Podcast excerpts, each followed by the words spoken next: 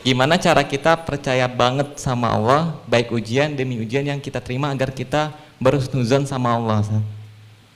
Nah itu yang pertama Ustaz. Mungkin bisa langsung tanya jawab. Gimana kita percaya kalau kita lagi ada masalah, Allah nggak akan ninggalin kita gitu ya? Oke, Intinya seperti itu. Coba tadaburin, renungkan surat Ad-Duha. Itu surat motivasi banget. بالله من الشيطان الرجيم. بسم الله الرحمن الرحيم. والضحى والليل إذا سجى ما ودعك ربك وما قلى. وللآخرة خير لك من الأولى. ولسوف يعطيك ربك فترضى Perhatikan surat Ad-Duha secara utuh dari ayat pertama sampai selesai. Itu ayat ketika Nabi lagi hampir putus asa. Turun ketika Nabi dalam keadaan uh, berkeluh kesah. Ketika Nabi dalam keadaan gak pede, ketika Nabi dalam keadaan sedih berat. Kenapa? Karena wahyu sudah enam bulan gak turun.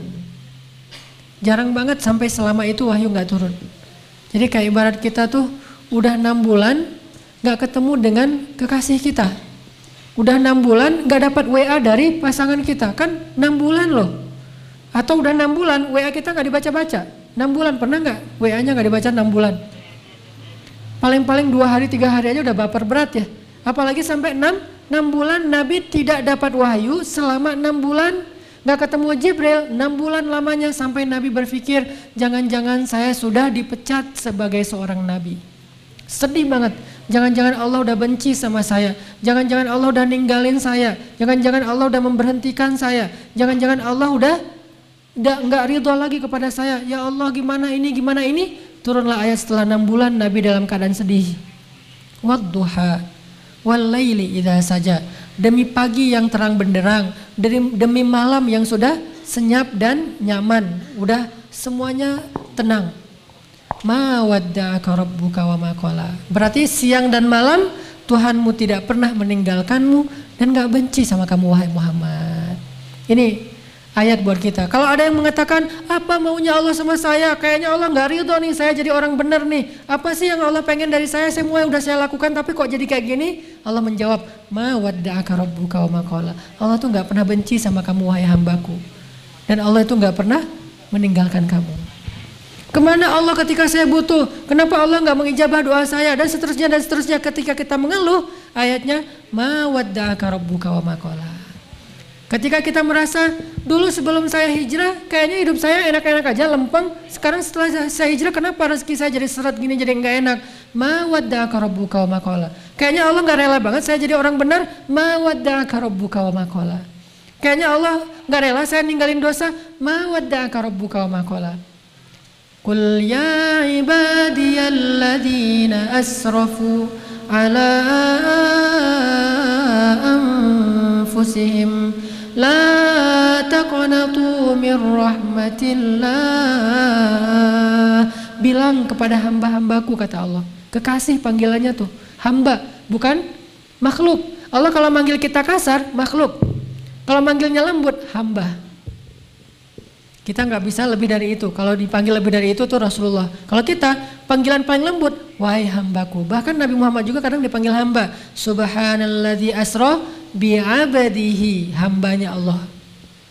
La taqnatu min rahmatillah. Jangan berputus asa dari rahmat Allah. Allah mengampuni dosa jami'a, semuanya. Saya pernah berzina ya Allah, semuanya diampuni. Saya pernah minum narkoba segala macam, semuanya diampuni. Saya banyak memakan riba, semuanya diampuni. Saya pernah membunuh, semuanya diampuni. Saya pernah syirik, saya pernah melakukan hal yang perdukunan atau datang ke dukun. Jami'a, tidak ada dosa yang tidak diampuni oleh Allah. Falimal yas. Terus kenapa berputus asa? Ini ayatnya. Ma wadda'aka rabbuka wa ma qala. Walal akhiratu khairul laka minal ula. Kalau kita mengeluh tentang dunia kok hidup gini-gini amat ya, kok setiap hari kok susah, kok gini, kok gitu. Walal akhiratu khairun laka minal ula. Tenang aja, dunia itu emang sifatnya kayak gitu. Sifat dunia itu keluh kesah. Kenapa bisa kayak gitu? Karena dunia nikmat yang sedikit dibagi rame-rame. Kalau akhirat nikmat yang banyak dibagi sedikitan. Dunia itu nikmat sedikit banget, kecil banget, lebih ringan dari sebelah sayap nyamuk dibagi miliaran orang. Kebayang nggak tuh gimana sikut-sikutannya? Makanya wajar ada keluhan. Kalau akhirat nikmat yang sangat berlimpah dibagi hanya sedikit orang. Jadi tidak ada keluhan nanti di akhirat. Ketika kita dalam keadaan keluh kesah, maka hiburannya walal akhiratu khairul laka minal ula. Dunia ini emang keluh kesah.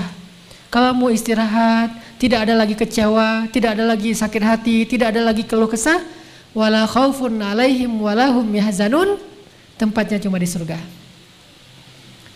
Surga itu tempat yang la khaufun walahum yahzanun. Tidak ada rasa takut, tidak ada ancaman dan tidak ada kekecewaan.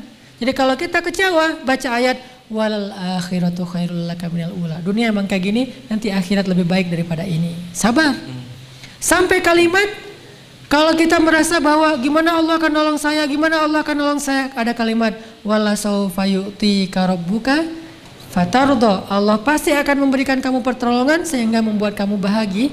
Bahagia harus yakin Nah pertanyaan terakhir, gimana biar kita yakin bahwa Allah pasti nolong kita?